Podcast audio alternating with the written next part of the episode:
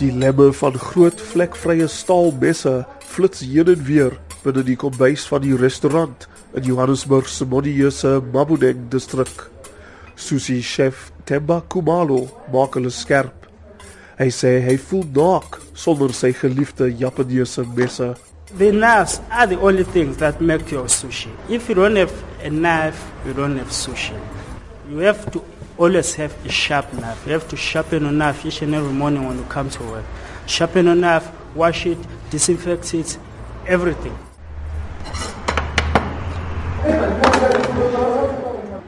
Onder 'n pikswart muur, versier met goue eetstokkies, maak Kumalo maki.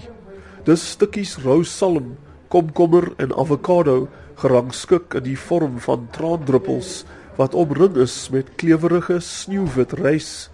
Die stukkies kos is toegedraai in dun, donkergroen seewier. Cutting it into four pieces, equal pieces.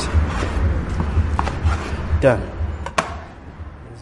Kumalo word betaal om sushi kuns, soos hy dit beskryf, by the Blackenese te beoefen.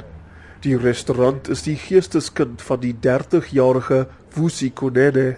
I think what really caught my attention was the lifestyle behind the cuisine. It was the culture. Then I thought to myself, Konene het in 'n arm nedersetting in Mpumalanga grootgeword. Hy sê sy gesin het op baie spesiale dae hoender geëet. Maar meestal kon hulle net pap en spinasie bekostig op sy ma se karige inkomste as 'n groenteverkoper. I don't think there was sushi at that, at that time in, in Africa. I never knew anything about sushi. I mean, I, I never knew um, anything about geken. So when you were younger, Vusi, if someone had come up to you and said, "Here's a piece of raw fish, please eat it," would you have eaten it, or what would you have thought? It would have been impossible. It would have been very impossible. I mean, I would think, are they nuts? Because I don't even probably know. Se ma is oorlede toe hy 14 was. Hy moes die skool verlaat om te begin werk. Hy het na Johannesburg getrek waar hy by een van sy ooms gaan bly het. Konene sê hy het oorleef op die inkomste van loswerkies. Toe hy 20 jaar oud was, het hy as 'n veiligheidswag begin werk en daarna as 'n kelner by 'n sushi-restaurant.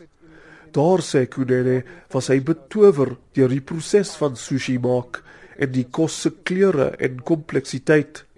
Hy het toe besluit om soveel as wat hy kon oor die Japaneese kookkuns te leer. I mean, at the time, the chefs were Japanese or Chinese who could not speak English at the time. We were not willing to share the information. But then now I started doing my own research, you know, I mean, on the internet and stuff like that and moving to different type of restaurants. Then actually... Konene het 6 jaar gelede met mobiele sushi besigheid begin. Daarna sê hy, het hy die ondervinding en die geld gehad om sy eie restaurant oop te maak.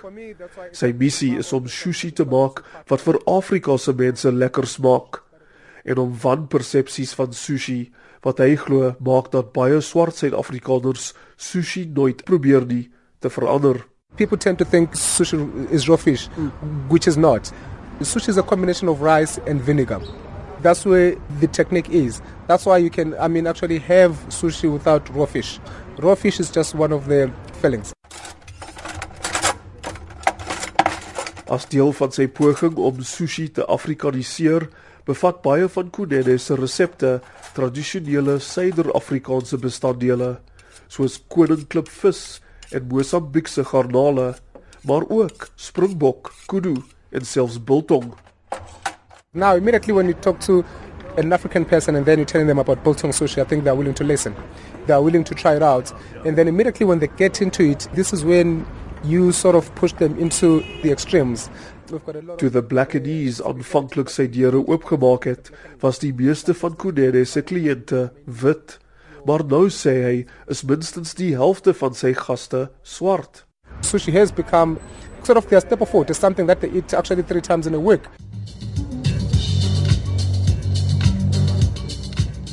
Binne die restaurant sit 'n jong man in 'n deftige blou pak en dierblink Italiaanse leerskoene. Hy geniet sushi rolletjies vir middagete terwyl hy op sy iPad werk. Dis Seth Mbele, 'n digitale strateeg en een van Konene se beste klante. Mbele onthou die eerste keer wat hy sushi hier geproe het. tuna sashimi. You know, I found the textures interesting. I found the flavors interesting. Once you get over the idea of what it is that you're eating, it becomes enjoyable.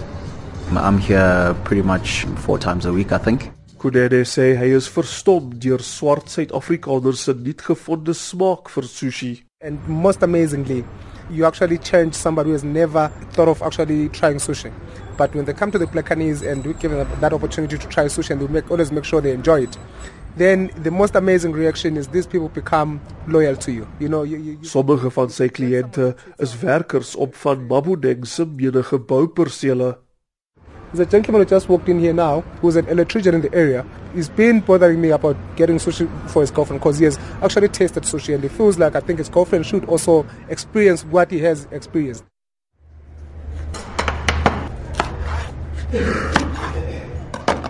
Kudede is besig om sushi te demystifiseer.